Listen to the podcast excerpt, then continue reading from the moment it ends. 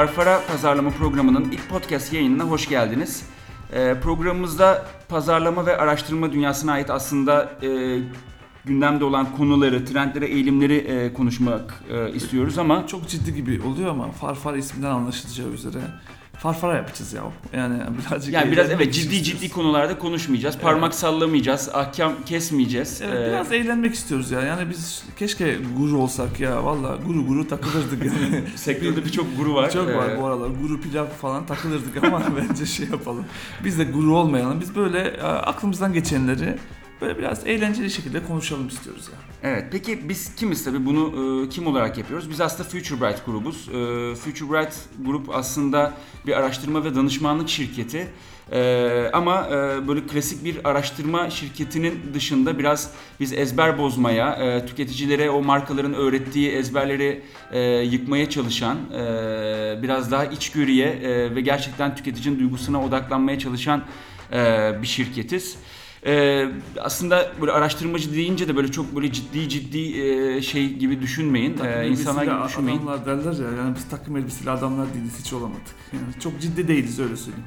Evet çok ciddi değiliz. İçimizde zaten birçok e, sanatla, edebiyatla, farklı farklı disiplinlerle uğraşan da çok fazla insan var. Zaten hep şöyle söylüyoruz ya herkes aynı kafada olursa, herkes aynı fikirde olursa o fikir ancak averaj fikir olur.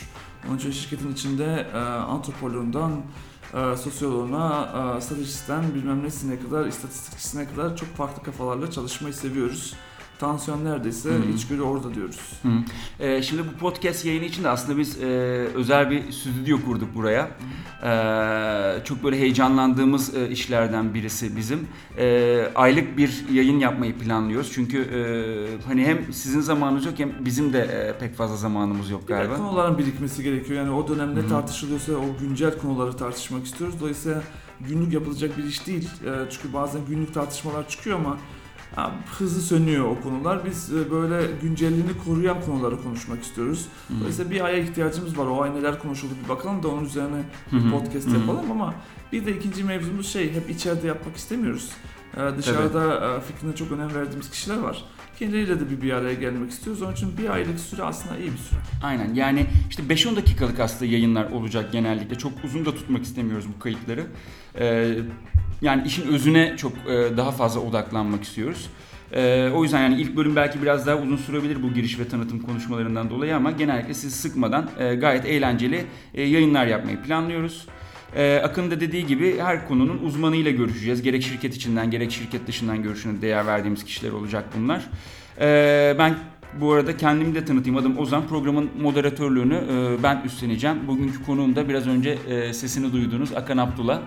E, aslında her programda değişen konuklar olacak dedik ama e, böyle konuk e, ne denir? E, çok daha fazla aslında Akan'da yer alacak programımızda e, bizimle beraber e, olmak istediği zamanlarda. E, şimdi Akan'ı biraz tanıtmak istiyorum aslında size. E, Akan Future Bright'ın kurucu ortağı. Ama aslında kendisini sadece bununla tanıtmakta e, biraz şey e, ne diyeyim e, hafif oluyor çünkü e, ne diyelim e, sektöre araştırmacı olarak girip reklamcı olarak devam ediyorsun e, ettin e, daha doğrusu. Grey Group Worldwide'da Global Strateji Konseyi üyeliği, işte uzun yıllar Reklam Öz Denetim Kurulu üyeliği, işte TED konuşmacısı, Bilgi Üniversitesi'nde tüketici davranışı üzerine dersler veriyorsun. Böyle bayağı uzun bir e, listen ve bitmek bilmeyen bir enerjin var diyelim. O enerji bitti de yani. Evet, şu anda gözler kapanıyor karşımda. ama nedense hala devam ediyorum. ama yani enerjim, sonsuz bir enerjim var. Muhabbetine girmek istemiyorum çünkü yalan yani anlatabiliyor En azından bir gösterdiğin Ya yorucu yorucu yani Evet, yorucu evet. kesinlikle yorucu ama ne bileyim seviyorum ya akademiyi akademiyi aynı zamanda sadece iş dünyasında kalmamayı seviyorum ama enerji bin- bitme, bitmek bilmeyen bir enerji keşke gerçek olsa bitiyor ya. Bu O, meret sonsuz değil yani. emekli olmaya az kaldı. Hayır o kadar da değil ama yani. Ama Buradan vallahi çıkıyor. Ruhum emekli olmuş yani bu aralar. Peki şimdi e, çok uzatmadan o zaman tekrar hoş geldin diyeyim ama ha, şunu da e, söylemek istiyorum. Şimdi e, biz burada hmm, pazarlama dünyasının yine bugünlerde çok e, tartıştığı bir konuyu e, konuşacağız. E, bu yayından sonra e, siz de podcast'imiz hakkında yorumlar yapabilirsiniz, paylaşabilirsiniz, arkadaşlarınıza önerebilirsiniz. Bizimle hem fikir olmak zorunda değilsiniz tabii ki. Hatta e, bizim konuları farklı yönlere bile taşıyabilirsiniz. Gördük ki farklı yöne gidiyor. Biz seve seve o konuyu bir sonraki podcastimizde Aynen. tartışırız. Yani öyle bizim şeyimiz yok. Ee, dediğim dedik e, budur bir bakış açımız yok aslında bunlara. Belki olabilir. Olabilir mi? Gaza gelip olabilir, o, o noktaya da gelebiliriz ama normalde öyle değiliz. Evet. Tartışmayı ve konuşmayı seven bir şirketiz. Peki o zaman şimdi e, bugünün e, konusu sadakat üzerine konuşacağım. Şimdi sadakat deyince tabii şey değil. E, ilişki uzmanı Akan Abdullah e, modelinde sadakat eşlerimize nasıl evet, evet, evet eşlerimize dikkat edelim. Yani e, Saçmalıyormuşuz değil mi böyle gidiyormuş.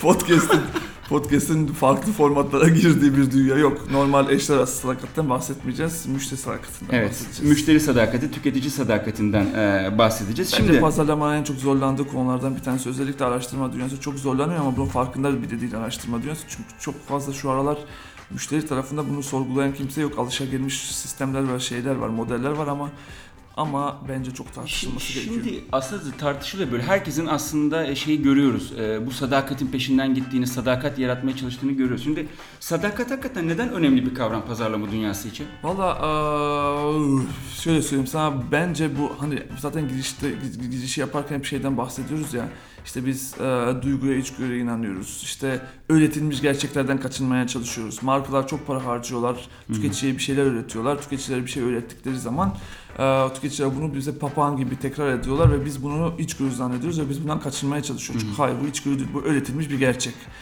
Bence pazarlaman sadece müşteri tarafında değil, pazarlamanın marka tarafına da üretilmiş gerçekler var. Yani üretilmiş bazı istatistikler var. İşte yok yeni Hı hı. müşteri almak e, eski müşterinin loyaltisinden 7 kat daha pahalıdır gibi şeyler, laflar Hı var. Bunlar çok büyük beylik laflar vesaire. Ve herkes bu matematikle yola çıktığı için sadakatın çok önemli olduğunu ve daha ucuz bir pazarlama şekli olduğunu, para kazanmanın yolunun sadakat olduğunu düşünüyor. Ya bence sadakat önemli bu arada yanlış anlaşılmayan bir şirket olarak sadakatın önemsiz olduğunu düşünmüyoruz. Önemli olduğunu düşünüyoruz da artık yeni dünyada e, bu denli e, şeyin e, mümkün olduğunu düşünmüyoruz. Sadakatın Hı. mümkün olduğunu düşünüyoruz. Keşke mümkün olsa. Neden değil peki yani? Ya valla değil. Çünkü baktığımızda e, şöyle gideyim mi olaya? Yani çok enteresan. E, biz pazarlama olarak zaten sadık tüketiciye önem vermiyoruz. Ya Hı hı. ben nereden nereden önem hani önem veriyormuşuz gibi e, davranıyoruz ama aslında şeyimizin o bilinçaltına hep önem veriyoruz ya o bilinçaltına gittiğimizde ben pazarlamacının da aslında gerçeği anladığını düşünüyorum. Şimdi biz biliyorsun e, metaforları, Hı hı. lafları analiz eden Hı hı. bir şirketiz. Şimdi e, biz e, bir bakalım mı aslında bilinçaltında marka e, kime akıllı diyor, kime Hı. akılsız diyor. Şimdi akıllı tüketici ne Ozan? Yani akıllı tüketici markanın şeyinde, sözlüğünde akıllı tüketici kimdir?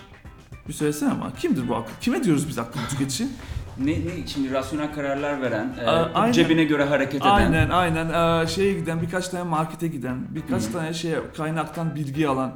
E babacım sen zaten e, sadık olmayan, her Hı. tarafa bakan, her mağazaya giren, her tarafı e, internet internet sitesine karşılaştırma yapan adama akıllı diyorsan zaten ta- sadık tüketiciye akılsız diyorsundur. Evet. Tamam işte böyle bir gerçek var tamam? Ters Sen- düşüyor bir anda. Ya ters düşüyor tamam bütün mantığını a- şey e, bütün modelini sadık tüketicinin üzerine oturtmuşsun ama akıllı dediğin adam zaten sadık olmamakla övünüyor. Sen Hı. de ona akıllı diyorsun zaten. Yani he- hepimiz aslında farkındayız da e, şey sadık ve sadakatin artık çok fazla e, mümkün olmadığını çünkü bunlara akıl diyoruz ama hala o eski üretilmiş gerçeklerde sadakati o piramitlerin en tepesine koyuyoruz. Şimdi araştırma bazında bunu söyleyeceğim. Yani bir piramidimiz var.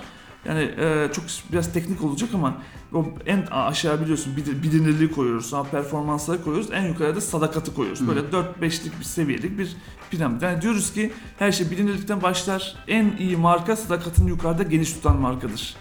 Ama tüketici orada değil yahu. Şimdi ne, neyin peşinde koşmalı peki markalar? Yani şimdi sadakat evet artık çok böyle kolay bir şey değil. Akıllı akılsız tüketici falan ama e, Ya valla e, neyin peşinde koşmalı? E, bence buradaki şey var. Kevin Lane Keller modeli var. En tepeye rezonansı koymuş. Ben rezonansı başka bir şekilde çevirmeye e, Hmm. şey yapıyorum, tercih ediyorum. Ben e, yukarıya sadakatin hala konulması gerektiğini, çünkü belli bir kitlenin hala sadık olduğunu düşünüyorum ve konulması gerektiğini düşünüyorum ama belli bir kitle de aslında e, sadık değil. Yani Hmm. Migros'a da gidebiliyor, e, sonra BİM'e kayabiliyor. BİM'den şimdi A101 geldi, şimdi hı. Şok her yerde mağaza açmaya başladı. Şimdi BİM'deki kitlerin bir kısmı Şok'a gitmeye başladı. Şimdi bu adamlar akıllı olmakla ve sadık olmamakla övünüyorlar. Bu arada Türkiye yönelik konuştuğumuz düşünülmesin diye Bir örnek vereceğim. Bir e, müşteri dinamikleri şeyi var, çalışması var, global bir çalışma ve şeye bakıyor, memnuniyet ve sadakat şeylerine bakıyor. E, sadece bir örnek vereceğim. Bankacılıkta memnun değilim diyen seviye, tüketici seviyesi %6 dünyada, global olarak yani %6 seviyelerinde. Her an bankamı bırakabilirim diyenlerin oranı %26. Yani tüketici bize İnanılmaz. şunu diyor ki ben diyor senden çok memnun olsam bile seni terk ederim. Yok öyle benden şey bekleme, sana sadık olmamı Hmm. bekleme. Sen sürekli çalış, sürekli uğraş, sürekli didin. Beni sürekli içeri almaya çalış diyor tüketici. Dolayısıyla tüketici eskisi gibi ya ben burada kalayım memnun, gayet memnunum. Ne olacak ya? Çok memnun da olmasam da çok da rahatsız değilim, kalayım diyen bir tüketiciye karşı karşıya değiliz. Kevin Lenkeller'a bir dönelim. O rezonans diyor. Hmm. Ben ona ilişki diyorum açıkçası Hmm. Ozan. Nasıl bir ilişkiden Ya valla e, nasıl bir ilişki? E, Şimdi oraya or, or, yani konu konuyu açıyor. Orada Hı. bir e, tartışma konusu var bence. Şöyle anlatılıyor. Duygusal ilişki. Bu çok reklamcıların ağzına pelesenk oldu. Hı. Herkes aynı şeyleri anlatıyor. Yani duygusal ilişki, duygusal tüketici. Evet biliyoruz tüketici duygularıyla karar verdiğini vesaire ama ilişkinin her zaman duygusal olması gerek Hı. zorunlu değil. Şöyle söyleyeyim. E, basitlik de bir duygu sonuçta ama biz Hı. zannediyoruz ki hep böyle duygusal, derin ilişkiler vesaire. Hayır. İlla ağlatacağız yani. E, İlla böyle sürekli böyle şey ağlatmak da değil böyle sürekli bir mutluluklar, büyük şeyler, sözler, böyle hayatı sahiplenmeler, büyük büyük kavramlar, sonsuz büyük kavramlar vesaireyle gitmemiz gerektiğini düşünüyoruz. Bence bu yanlış. Ya müşteri keskinlik istiyor. Bence Hmm. ilişkide ilişkisi keskinse, sen nerede durduğunu biliyorsa o denli büyük duygusal şeyler de olmak zorunda Hı, değil. hı. Ya örnek vereyim işte e, benim için bunda bir iyi bir örnek BİM. Hı. BİM nedir? Ya BİM e, hayatı boyunca mağaza anlamında Evet. loş ışıklar, darmadağın her yer, işte e, her yerde koliler falan nedir? BİM, BİM depodur. Evet. Yani çok keskindir. Ben depoyum dışında pek- fazla bir şey söylemez. Kendi net olarak ortaya Evet koyuyor. yani sana ne bir mutluluk sözü verir. Hı. Ne bilmem. Keskindir yani der ki ben bir depoyum buyum yani. Hı hı, Ve ki, o ilişkiyi o kadar keskin ve net bir şekilde tutar ki hı hı, hı. insanlar oraya gelip giderler. İnsanlar çok mu bimcidirler? Hı hı. Çok mu kendilerini biz bimciler diye tanımlarlar? Zannetmiyorum. Tanımlamıyorlar. Hı. Baktığınızda zaten araştırmalara Hı hı, biz hı hı. bimciler diye bir savunmanın yani şeyden sonra dışarıda mağazanın içinde olmadığı bir dünyada biz bimciler diye bir savunmanın olmadığını hı, görürsünüz. hı hı, hı. Ama şunu görürsünüz düzenli olarak büyüme gitme ve büyüme düzenli olarak büyüme durumu söz konusudur. Bence bizim sadakatin yanında şu sadakat olmalı. Hı hı. Ama bu zayıflayan sadakatin yanında keskin ilişkiler ölçmemiz gerekiyor. Marka sağlığını ve Evet. marka değerini ölçerken. Ama biz tamamen marka değerini ölçerken yani en üste sadakati koyuyoruz. Hı hı, Hiçbir hı hı, ilişkiler hı ve hı, keskin hı. ilişkiler dünyasına bakmıyoruz. Ve sadakat dünyasına sadık tüketici sayısı azaldığı bir dünyada ya araştırmalar pek yakın gelecekte Evet. e, gerçek marka e, değerlerini ya da marka sağlığını gösteremeyecekler. Hı. Çünkü bu adamlar hızla hızlı bir şekilde eriyor. Yani aslında şey güzel bir örnek oldu. Şimdi piramidin en tepesinde işte e, rezonans ya da ilişki deyince herkesin aklına evet o derin a, anlam, duygu dünyası geliyor ama BİM'in örneği gerçekten ilişki nasıl yaratılır çok net bir şekilde ortaya koyuyor ama şimdi BİM aslında çok büyük bir şey yapı ve e, aslında bu e, ilişkiyi kurmak e, konusunda büyük yapıların daha avantajlı e, olduğunu düşünüyorum çünkü imkanları daha fazla ama bugün de e, pazarlama artık dünyasında birçok startup e, görüyoruz. Bu işe yeni girişen işte ne bileyim bu Third Wave kafelerden tut işte başka yeni bireysel girişimleri falan. Peki bunlar bu büyük yapılarla nasıl mücadele edecekler? O e, ilişkiyi nasıl e, kurabilecekler? Ya valla aslında o biraz bizi başka konulara da götürüyor. Biz sürekli şunu da söylüyoruz şirket olarak. Yani biz e, hani şunu söylemeye çalışıyoruz. İçgörü, iç, içgörü, içgörü, içgörü. Herkes içgörü konuşuyor bu aralar. Enteresan aslında 20 yıl önce konuşulması gereken konuyu son 10 yılda konuşmaya başladık. Ama neyse en azından konuşmaya başladık. Zaten şunu söylüyoruz biz artık bu arada içgörü bulmak sadece yetmeyecek. Ee, e, sadece insani bir duygu, bir bilinç altında bir durumu saptamak yetmeyecek. Biz teknolojik içgörünün de içgörüyle bunun desteklendiği durumda sürdürülebilir olduğunu düşünüyoruz. Dolayısıyla biz sadece insani bir durum saptadık değil, aynı zamanda bunu teknolojik bir içgörüyle desteklerse sürdürülebilir olacak. Onun için ben tam tersi olarak startupların işin o teknolojik içgörü tarafında e, iyi olduğunu göz önünde bulundurarak e, bu ilişkiyi teknolojik içgörüler, tekno- teknolojinin kendisi üzerinden e, bu içgörüleri bir ilişkiye döndürebileceklerini ve keskinliğe döndürebileceklerini düşünüyorum. Ama sadece startup olarak bakmamak lazım. Hı. Ben buradaki şeyi şöyle de alıyorum yani büyük şirketler ilişki kurmak için fazla silaha sahipler. Atıyorum Hı. deneyimden Hı. bilmem nesine Hı. kadar zaten adamın büyük bir bütçesi var ben bununla nasıl savaşacağım? aslında e, ilişki sadece bu değil. Biz ilişkiyi sadece şey gibi deneyim olarak algılıyoruz. Çünkü şu anda ben de BİM örneği verdiğim zaman bir Evet. deneyim üzerinden gittim ama ilişki aslında e, benim söylemeye çalıştığım şey netlik. Yani e, bu ilişkiyi sen deneyim tarafından kurmaktan çok şeyde de iletişim reklamın kendisini de kurabilirsin. hı, Mesela hı. Filli Boya bunun Evet. e, iyi bir örneği. İşte Filli Boya yani bir telekom şirketi kadar para harcayamaz. Evet. Hiçbir şey harcayamayacak zaten. Ve e, Filli Boya'nın deneyim tarafında e, işte kanallardaki deneyimi kontrol etme dünyasının dışında bir sürü böyle kontrol edemediği kanallar da var. Dolayısıyla deneyim tarafında da bu ilişkiyi çok etkinleştirebilmesi. Ama Filli Boya en son 8 Mart'ta bir tane En iletişim, puanı. tabii bir iletişim yaptı. Biz de o iletişimi test ettik zaten. Dönemin en iyi şeyi aldı, e, reklam testini aldı. İşte oradan çok ciddi bir ilişki kurdu. Bu arada Filli Boya. bilmeyenler için de hani e, belki sektör dışından da çok insan e, dinleyebilir. Yani Filli Boya'nın Kadınlar Günü reklamından bahsediyoruz. E, televizyonda da yayınlandı ama değil mi? Sırf e, sadece dijital. Aslında birazcık daha çok dijital mecralara bastılar ama şunu söylemeye çalışıyorum. O kadar net ve keskin konuştular ki yani herkesin ya cesur iş dediği yani büyük şirketin cesaret edemeyecek kadar cesur bir iş. Çünkü bayağı böyle sert bir iletişim işini. Onu şunun için söylüyorum. Net ol ve keskin olmak zorundasın. Bu hangi kanalda yaptığın önemli değil. Bazen bunu deneyim kanalında yapabilirsin. Bazen toplam algıda yapabilirsin. Bazen küçücük bir iletişimde, dijital kanallarda push edeceğin küçük bir reklamda da yapabilirsin. Keskin olmak önemli. Şimdi neden herkes o reklamı konuştu? Neden Filli Boya bir anda şöyle söyleyeyim daha üst ses gelir gruplarının bu arada ben onu ayrıca eleştiriyorum. Hı, üst, hı. üst ses gelir gruplarının Evet, Filli Boyası'nın evet, olması. evet. Çünkü orada birazcık şey e, rahatsız olduğum bazı küçük şeyler var ama şunu söylemeye çalışıyorum keskindi. Keskin Hı hı. olman lazım, net olman lazım. Tüketici sana seninle ilişki kurmasını sağlayacak keskinlikte durman gerekiyor. Bence e, keskinliği şey gibi algılamamakta fayda var.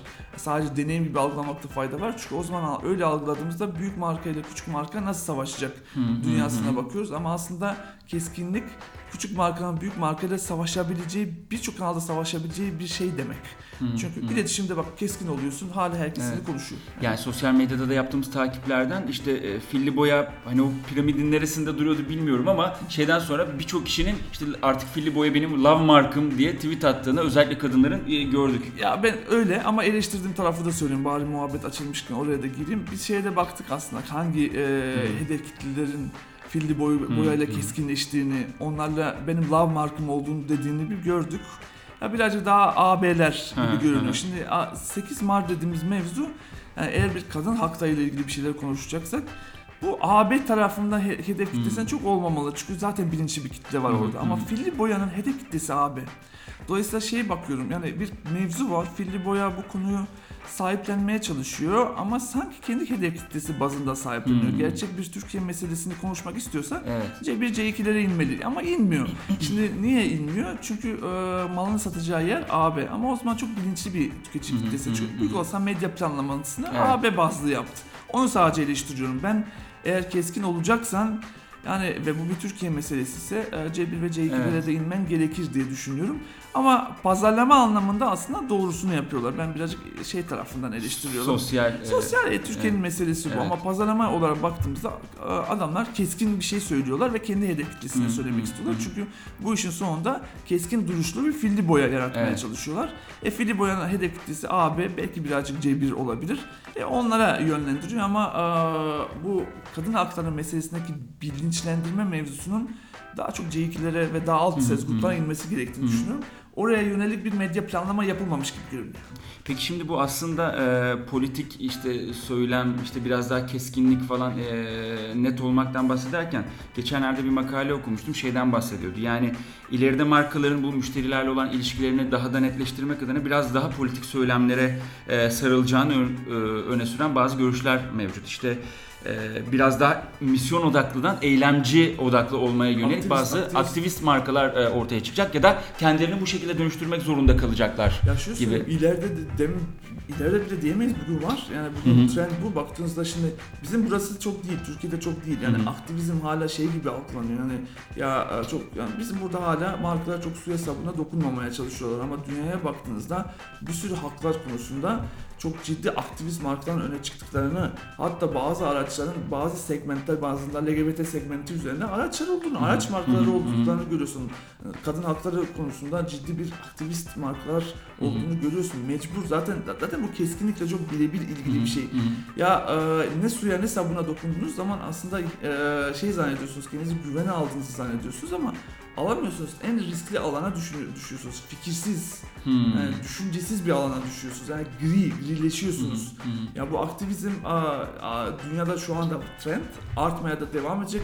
Türkiye oralara ne zaman gelir onu bilemiyorum. Hı. Çünkü Türkiye'de böyle bir Biraz daha özel bir ya özel bir durum var. Biz Evet. de açık konu- konuşalım. Biz de yani şey olmayalım. Yani keskinlikten bahsederken keskin konuşmadan olmaz. Yani biz Türkiye şu anda yani ikiye ayrılmış durumda. evet. Yani bir tarafta işte endişeli modernler dediğimiz kitle, bir tarafta daha muhafazakar bir kitle ve biz böyle markalar olarak ne oraya ne buraya dokunmaya or- birazcık oradan korkuyoruz, birazcık buradan korkuyoruz derken çok gri alana düşmek zorunda kalıyoruz. Şimdi çok güzel bir yere geldin. Aslında son soruydu ama e, aklıma başka bir soru daha getirdin. İşte bu kadar aslında e, ikiye ayrılmış bir toplumdan bahsederken toplumun her e, kesimiyle ilişki kurmak mümkün mü? Ya da bu ilişkinin o netliği, o sertliği, keskinliği nasıl e, mümkün? Vallahi ki, şöyle söyleyeyim keskin şey gibi anla, anlamamak lazım. çok politik bir duruş gibi Ha, yok, anlamamak hı. lazım. Bence mümkün ama ş- niye eee, şu anda yapılamıyor diye sorarsan o bambaşka bir podcast konusu ama Hı. sadece şu önden söyleyeyim belki bir gün onu da tartışırız.